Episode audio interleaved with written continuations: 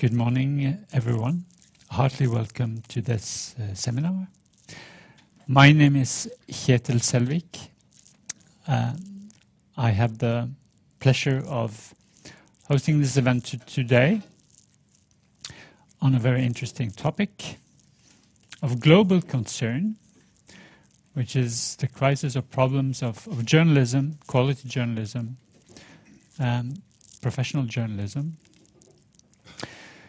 and the potential role that technology can have in not causing this crisis, which is usually the focus, but potentially also mitigating the crisis. We are have the pleasure of having uh, Walid Al-Saqaf here today from Södertörn University in Sweden. Now, Walid has a very interesting background because he is he's both an expert of computer engineering and an ancient journalist who is now an academic working on questions of digital journalism. So please, Walid, the floor is yours. Thank you, Kjetil. Uh, it's been a great pleasure to uh, be here at this uh, prestigious institute, and I'm really delighted to come to you with something unorthodox, something new, as uh, mentioned earlier, I have a dual uh, hybrid background in computer engineering from the Middle East Technical University, and I'm glad to have one of my alumni colleagues here, um, His Excellency Mr. Fazli Çorman, who's the ambassador to uh, uh, Norway as Turkish ambassador. So he knows how prestigious that institute is in terms of giving me the knowledge to in technology.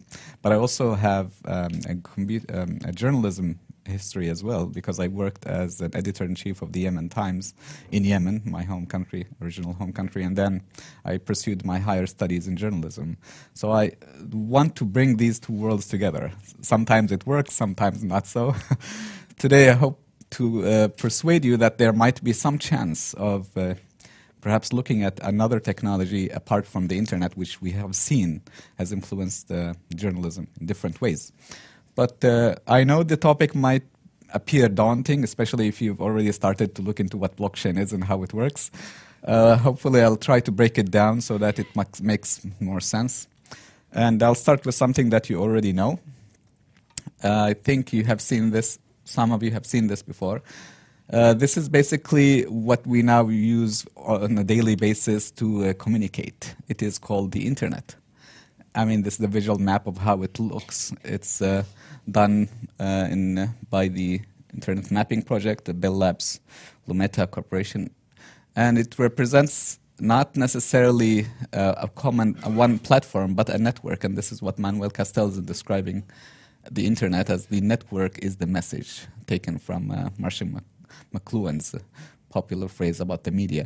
And the notion here is that the way this network is designed, it makes it unique, makes it different than what we had in the past, because it has three main characteristics.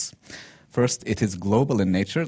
It, it, it defies boundaries. It has nothing to do with national boundaries. You don't have um, um, you know, Swedish internet, a Norwegian internet, a Yemeni internet.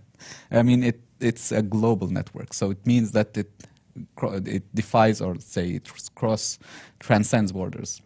And then it has the open architecture. And then when the first the, uh, the initiative of the design was put place in put in place and uh, spearheaded by the fathers of the internet and then the internet engineering task force they made sure that the architecture is standard and open so that the open source standard makes it possible for scientists, for engineers to find uh, interoperability measures and to make it more or less uh, uh, immune from being taken over by one corporation or patents, etc.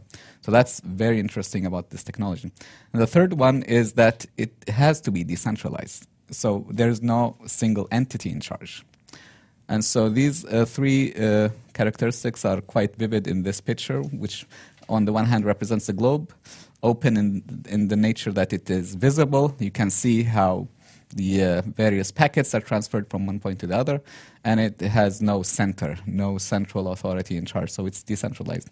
And sometimes I jokingly refer to this as the the notion of it's a bit uh, far fetched, but as a joke, it shows that sometimes you just can't find a way to disrupt this unless you destroy all the nodes or find a way to disfigure the whole system. And that's what caused this uh, revolution from these very old means to something more efficient, faster, more versatile, accessible, and has a global uh, reach and easier to set up now with smartphones available.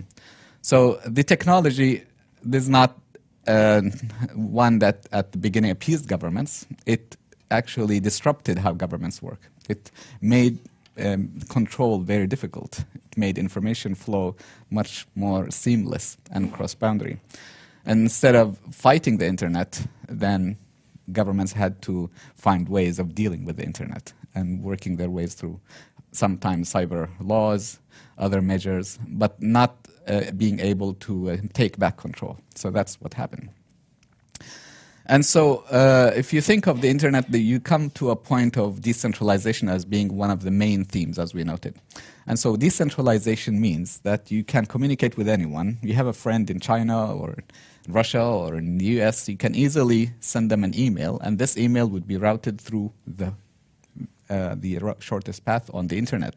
So, it means that peer to peer, it makes it possible to not use a third party, not use a central authority. So you can have this person on the far left reach another person through the network without having to go to a particular entity that allows it to, I'll say, gatekeeper that allows it to monitor and so forth. And this made email, for example, possible because by email you can send from one point to the other without having to use a central authority. But it also made possible to exchange files, uh, such as the uTorrent peer-to-peer network, which allows you to send files and share files. So these are two typical examples. But there is a problem with this if you note, if you want to use a system that relies on not copying, because this is a reflection of how you copy a message. When I send a real post, I don't copy the post, I send the actual post. So I go to the mail, and the post itself leaves my destination and arrives to the other destination. I can use this, for example, to send my passport, uh, send certificates, send something valuable. So whenever you use this on something of value, it, it fails.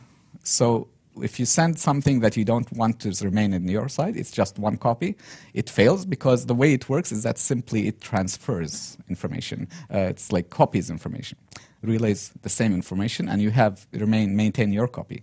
So this means that this form of network will not work for sending value. By sending value, I mean sending something that it has to disappear from your end when you send it to the other end. And in a day of um, digital money, for example, digital paintings, digital certificates, you actually need a way to make sure that whenever you send something from your side, it has to disappear. It has to not remain there. For example, if you'd like to sell an original piece of artwork uh, that has been done digitally, you need to find a way to ensure that that no longer exists at your end. The ownership of it moves to another person. And the same applies with uh, certificates because in a, an age of digitization, much of the content that we have today will become digital. So the copies that you have, the hard copies, will have to be uh, have some form of digital equivalent. And so this digital equivalent needs to say as one copy. This one copy needs to move from one person to the other. Ownership moves. How do you do that with the internet? That wasn't possible until the invention of the blockchain.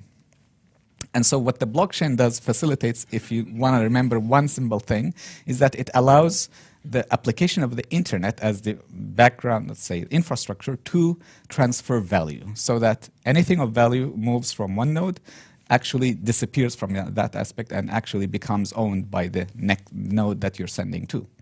And so uh, the way that it is done is basically thinking of it as a ledger.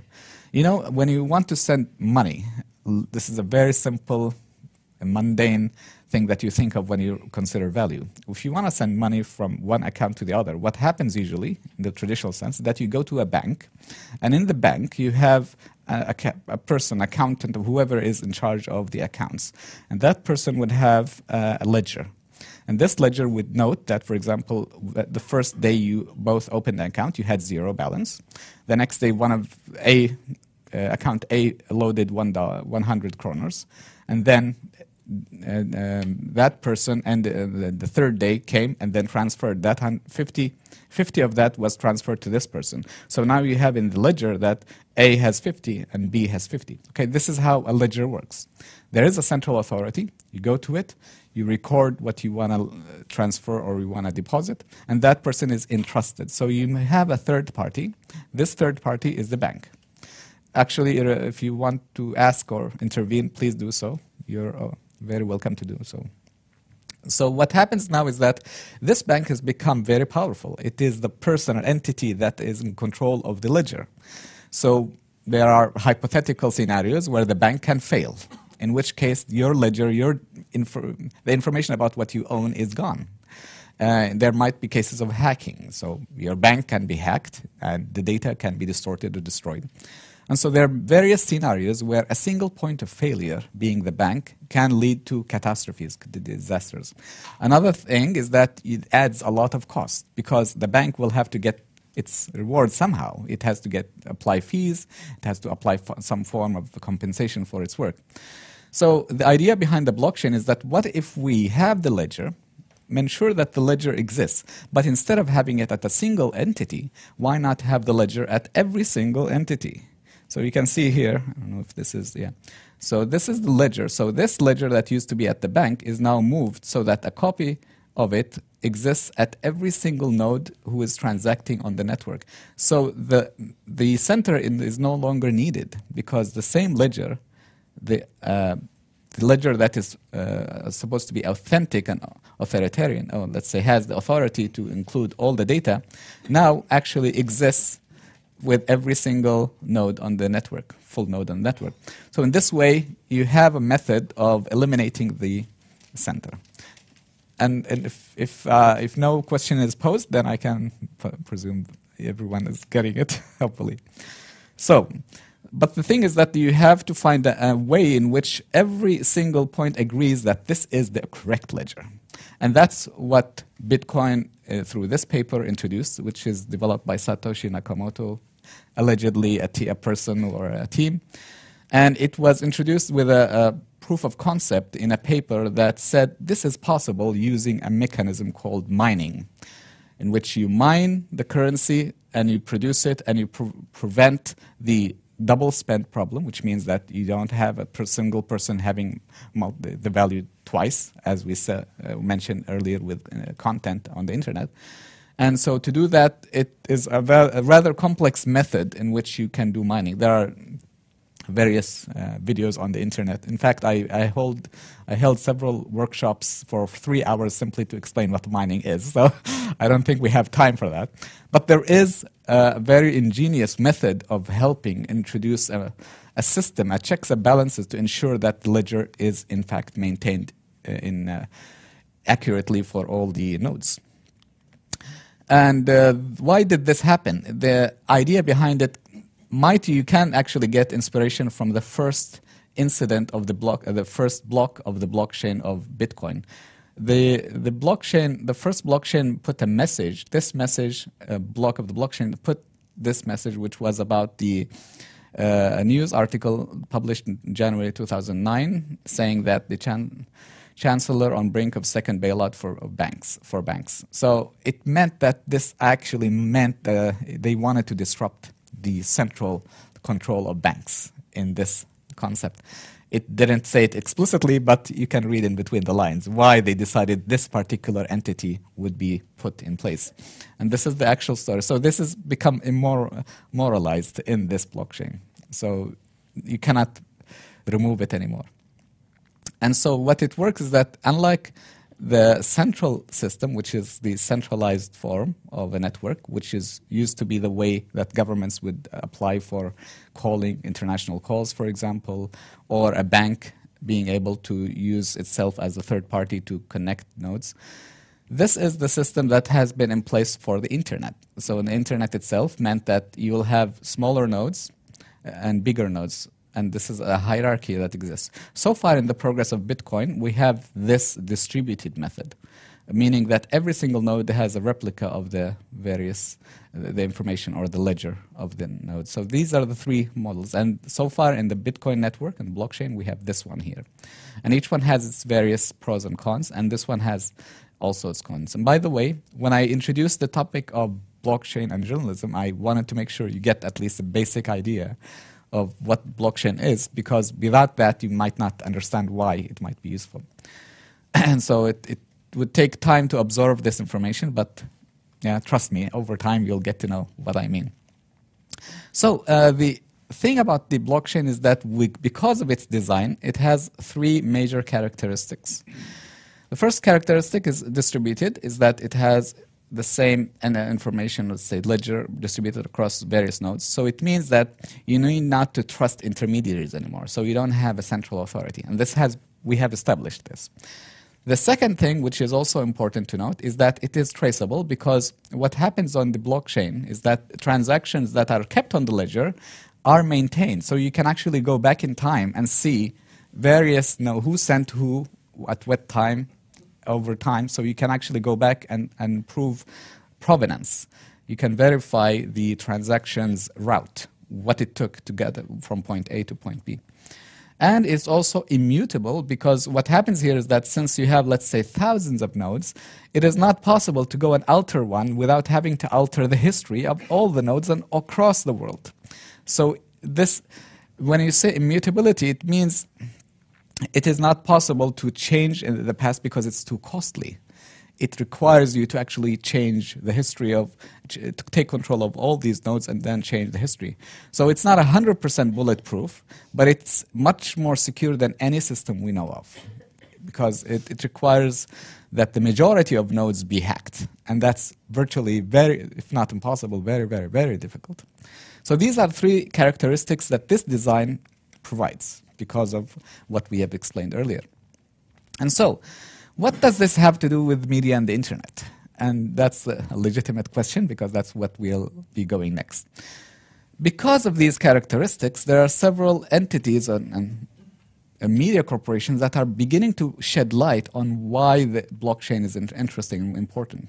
And these have become a, a focus on several uh, news uh, corporations such as Forbes and Bloomberg due to reader interest. So it, the readers themselves are driving news, as you've uh, noticed in the past.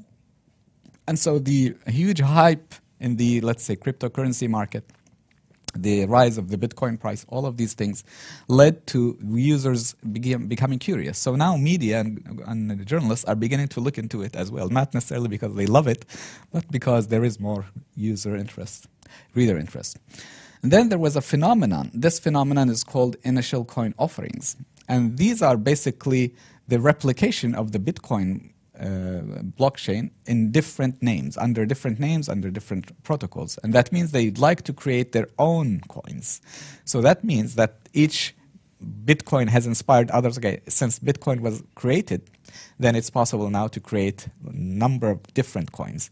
And these uh, coins ended up having their own what is called initial coin offering, and which is a fundraising campaign. Uh, and that has uh, emerged in the connection to media because there are some that have used the, the scope of media and journalism to allow them to um, generate money for them. And a very good example is a social media network uh, that's been successful and uh, has, I'll give you some examples later.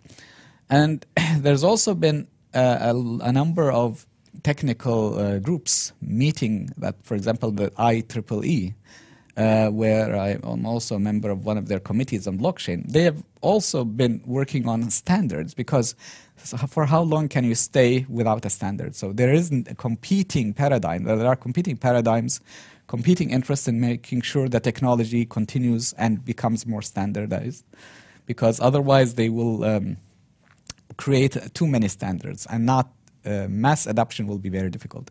So, will there be an opportunity, like the early internet, there were versions of the internet basically, and then they en- ended up uh, deciding on taking the TCP/IP uh, standard protocol as their way forward. So, right now we are at a very early stage of deciding which standard will succeed, and um, because it's very early.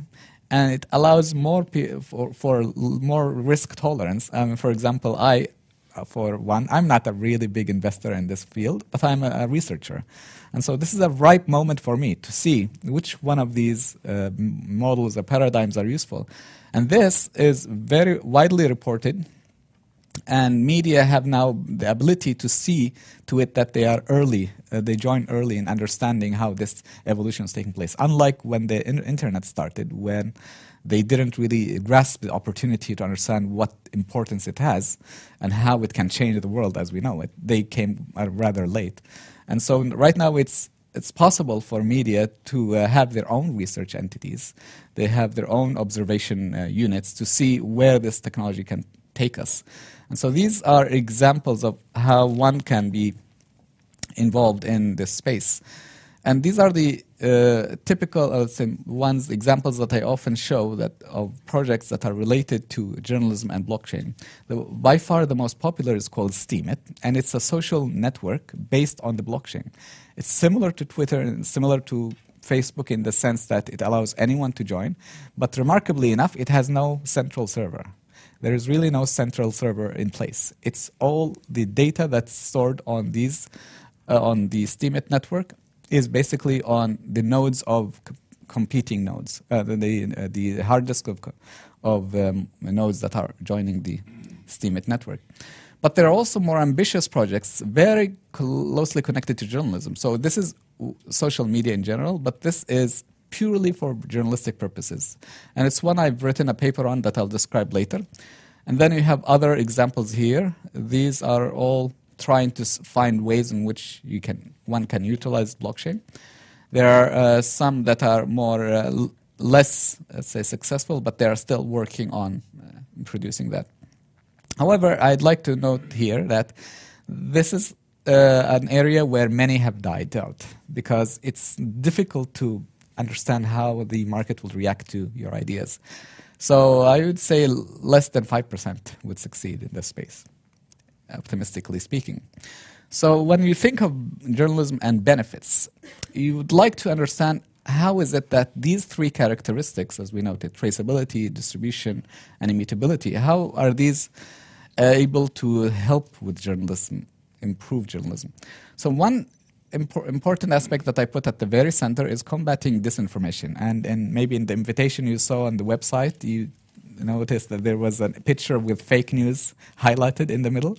So this is where this comes out as one of the main uh, use cases that I'll go through. But there are also others, such as improving economic viability, incentivizing creative, uh, creating content, data-driven journalism, and something I'm I'm fond of because of my interest in quantitative data analysis. Then you have monetizing content, preserving intellectual property, archiving securely because of the immutability aspect, resisting censorship because there's no place where you, you can call, let's say, uh, that, that's controlled by any government, and protecting whistleblowers. And there are some projects in that sense. So you have multiple aspects. Uh, you saw, you know, here the dots, uh, the stars, and, and arcs, and you see that there is a commercial aspect in some of them, and there's an editorial operations in any in others. And this is where one of the interesting phenomena is happening. You have an increasing number of media, uh, let's say businesses around the world that are accepting crypto payments. And these are mainly predominantly in the uh, Europe, Western hemisphere, but there are also some that are emerging in the South America. And you may have heard the news, even in Venezuela, there's been a very strong interest in you know, Bitcoin and using that to combat the uh, uh, inflation of the local currency there. And so, yeah, there are emerging points here in this website. I recommend if you want to know which ones are they accepting, you will be surprised at how many there are. But then also there are various news uh, promoters of this field, and there are uh, these magazines are getting more and more publicity, and there are podcasts and there are uh, uh, channels that are gaining momentum. So this is increasingly becoming a journalistic subject. It's no longer a niche subject. And this is a very optimistic view of how the future might look like because what happens now is that because of the blockchain's ability to be immutable uh, and distributed and open, you can run various operations on the blockchain, and these are called smart contracts. And uh, while it's difficult to explain how it works, but it basically means that whatever rules you take generally with a, a human being, these rules can be embedded into the blockchain. So it allows you to execute steps. For example, uh, one of the simple co- contracts that you can consider is um, an association. Let's say you're trying to bring funds or fundraising for a cause. And so you have a deadline, like any Kickstarter. You're familiar with Kickstarter? Yes. So if you have, let's say, um, a limit of 1,000 kroners, and you'd like to have people distribute money, send money to Kickstarter until it arrives to 1,000 by this date. If it does, then you would channel it to the beneficiary. But if it doesn't, you send it back. And whom do you entrust in the case of Bit Kickstarter?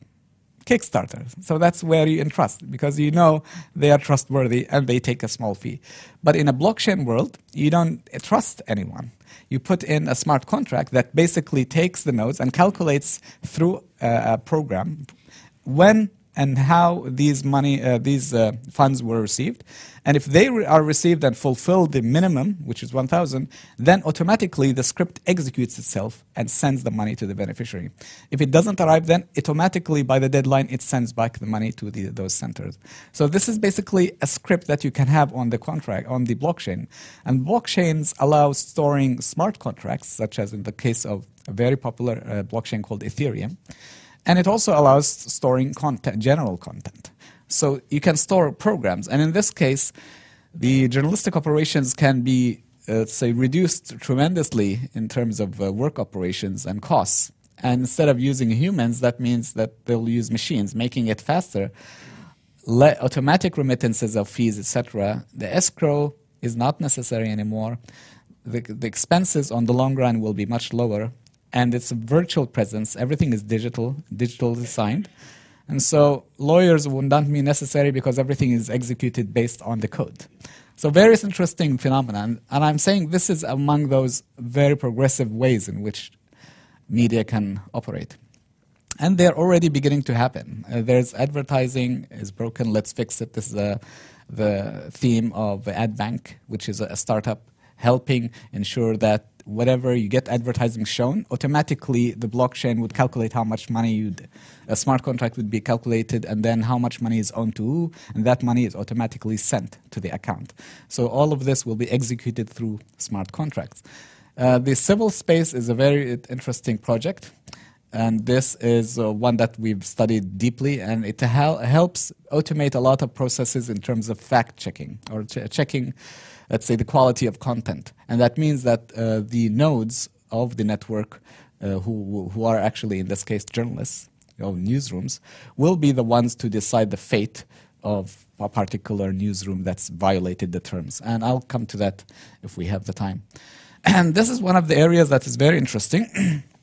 and I say this is more or less 80% of what I'm thinking of using my research in. Authenticating content. And today, in a fake news filled world, you have various forms of content. Uh, in workshops I provide, I often show deep fakes, a phenomenon of videos being portrayed as if they were uh, authentic, but they are actually manipulated. And instead of uh, the real image of the actor, you find Nicolas Cage sometimes, various uh, videos, putting Nicolas Cage's page and uh, pay, uh, face on that person. and then many get uh, actually fooled by this and think this is authentic. But the problem here is that you can actually utilize artificial intelligence. You can have uh, fact checkers to fact check if this picture is real or not.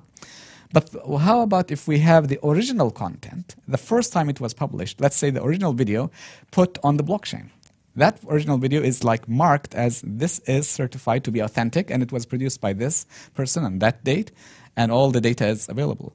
And then any version that comes later can be cross compared with the blockchain uh, ver verified uh, entry. And if it doesn't ap uh, appear there, then it's not necessarily, it's not authentic.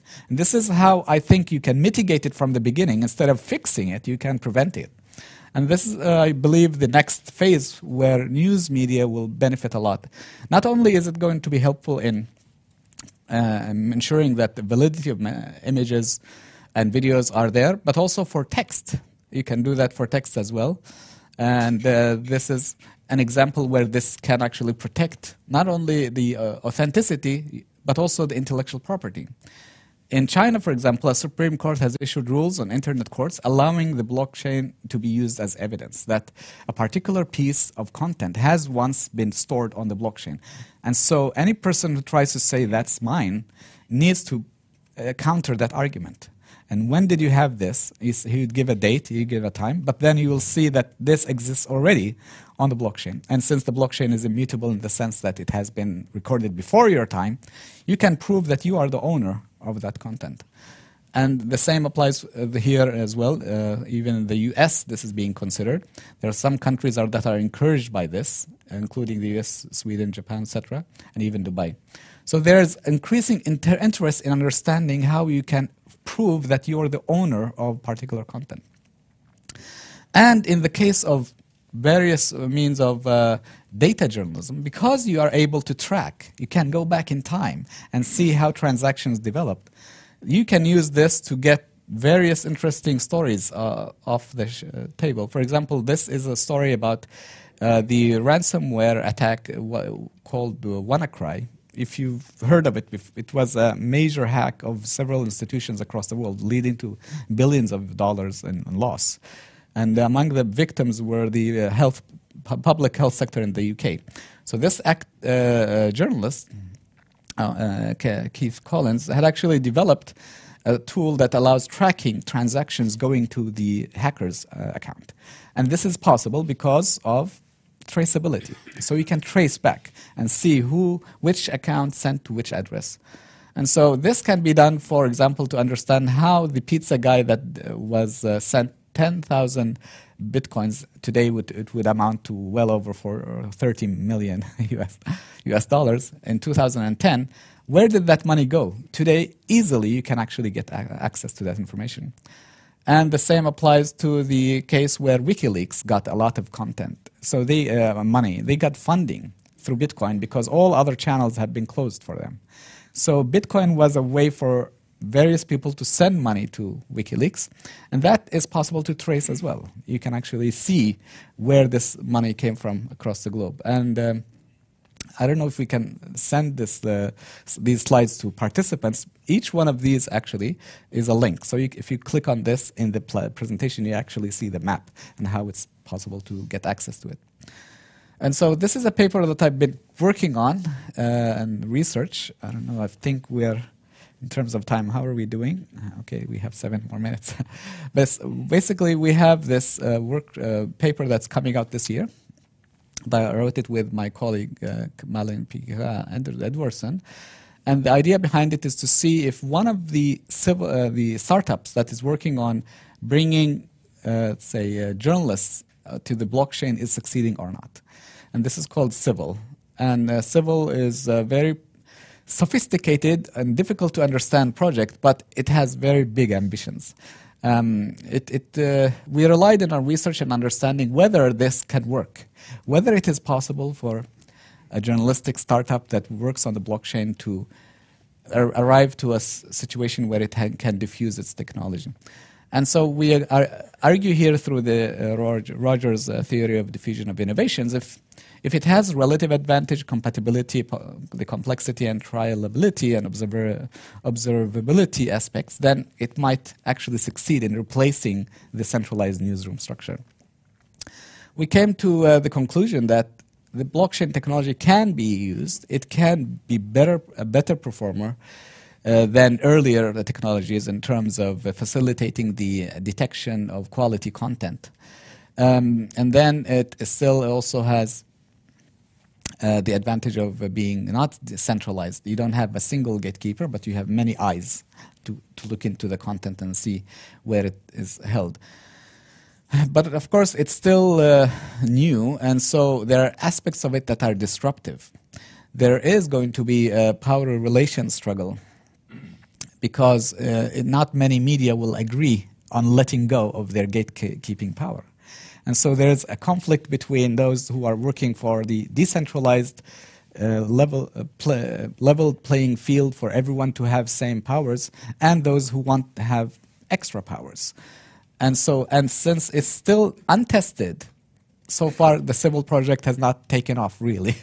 it's been uh, lagging behind. But it's still untested. It's still difficult to know exactly how this will be uh, used. In, in fact, even within, uh, beyond the fintech, which is basically the Bitcoin example here is about fintech, financial tech, sending money. Uh, areas beyond money are difficult to prove at this stage. And so it, we, we've seen this happen. It's not the first time that traditional media are losing, you know, to uh, technology de- developing, uh, let's say, industries and users. Um, the the various uh, projects that we have, like Facebook and Twitter, have led us to see that okay, there's competi- competition here. It's not only mass media that will be listened to, and so these are examples of how it works. This is a lot of text. I don't think I will have to go through it all, but it's just an introduction of how this uh, model works and how it started. Um, and this is another very, t- I don't want to explain it, but it's a very complicated way in which the civil crypto economics model works.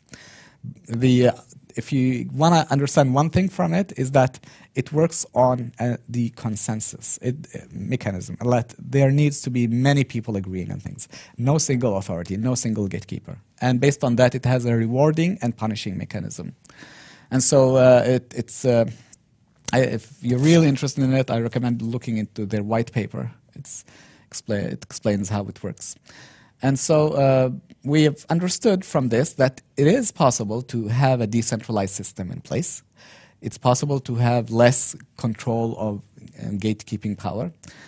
Uh, but at the same time, decentralization is limited in what, what you can do in journalism because journalism is not robotic, it's not mechanized. You cannot eventually decide, let a computer decide on your behalf. So you have to de- rely on individuals. And individuals, at the very end of the day, are human beings. So what happens, for example, if there's a breach of the system through the council? They have a council with higher powers, but that council is made of individuals. It's not made of computer programs. So we come back to the notion of maybe journalism is not, after all, the area where blockchain technology can apply, which might be a surprising outcome, outcome since I've been bragging about blockchain. Um, but it actually has some form of equality distribution. So you have equal distribution of power among various participants to a degree, but not enough to circumvent the council, which is the, the ultimate power in the civil case. You have transparency endorsed, uh, meaning that you know who's uh, voting for who and there's a, smart con- contract system in place that makes it easier for you to know the rules have been followed. That's not possible necessarily in a regular newsroom. Uh, and uh, the last thing is about accountability. To some degree, exists because there's um, the risk that the majority will be holding the um, particular. Uh, um, the possibility that the majority will be able to uh, hold the council to account in case it breaches the trust of members. But it, it has something very common uh, with many of these, uh, let's say, uh, problems when it comes to blockchain is that you rely on common sense to prevail at the node's end. If you remember the very first uh, image I've shown about the internet, these nodes are deciding the future of the blockchain. So if the nodes go ori, they go, they go let's say, mad or decide on take, committing suicide, they can destroy the network. But it relies on the uh, uh, the assumption that it is impossible for 51% of them going against their own interests. If that group is small, the likelihood is high. But if that group is very big, like in the case of Bitcoin, the likelihood of the majority of them going against the interests of the network What's the motivation for users to join a network and to be nodes in the system? Yeah, they're, yeah, if they believe in this in this civil case, yes, if they believe in the cause, and that's basically why the method of joining is that you have to have a journalistic background, understanding of the need to be a properly qualified journalist. Yes. You, you are, mentioned before that this development will increase the power of technology making organizations. Mm. And Possibly, yes. and journalists are not there. Not so there. why should journalists then uh, deliberately uh, lose power by joining this and to build up that organization? That's yeah, uh, that's, a very good point because civil is the one that's developing the software. Mm -hmm. So they are the ones to decide, and journalists don't know what the code is. Uh, they don't know how the code is structured. So there is an element of trust involved. So they trust that the coders are going to maintain some form of uh, the main objectives of the network. And, th- and they are not going to be buggy codes or, for example, problematic codes and ethical issues. So, yeah, there's a, a, a, a trust element in, in, involved. so, as I mentioned, it's very early. We don't know if it succeeds. Centralization of Civil tokens, that's also rela- related to this because uh, Civil will have its own cryptocurrency. It's called CVL, similar to the way Bitcoin operates. They will have their own cryptocurrency inside the Civil network. So they will uh, rely on issuing these tokens to, as a mechanism of rewarding individuals. But that means that it's subject to the success of Civil itself, whether it will be widely distributed or whether it will be controlled by a small group. That's something we don't know yet, if it will happen. And it also relies on Ethereum, which is the second biggest uh, blockchain, to make it possible for uh, to operate. So if Ethereum fails, everything collapses uh, for the, the model. They have to find another blockchain to work on. And so this is, I think, the, one of the final stage of this presentation. And so it's impossible to finish the process from A to Z purely without involvement of humans in this case. Unlike in Bitcoin, where it is possible, because there's no human involvement whatsoever in terms of deciding what takes place. In the case of civil, there is eventually someone to decide, which is a civil council. It's, these are humans. So they in the end up making a final say on certain things. And that means that full automation is not possible.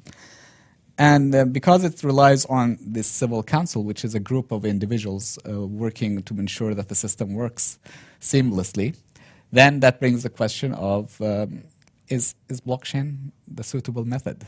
Is it actually possible to make it like the ideal method of progress in terms of improving journalism? So there's continued work on this that needs to be assessed. We are trying to see if we can develop a, second follow-up story once the civil really takes off. And so it's it's still uh, a question if journalism is the area where this technology can be used for changing it, for let's say decentralizing it. But that's one question that can be answered in different ways because not uh, civil is not a representation of all the use cases. It's just one simple case. But they have, we have many other cases such as verification, uh, authentication, and so sort of uh, provenance uh, verification. So yeah, I mean, so basically that was it from my side. Um, if you'd like to involve in collaboration, that's my email. My, you can also get my card later. And I hope this was a little bit enlightening for you in the, the path towards understanding blockchain and journalism. Thank you very much.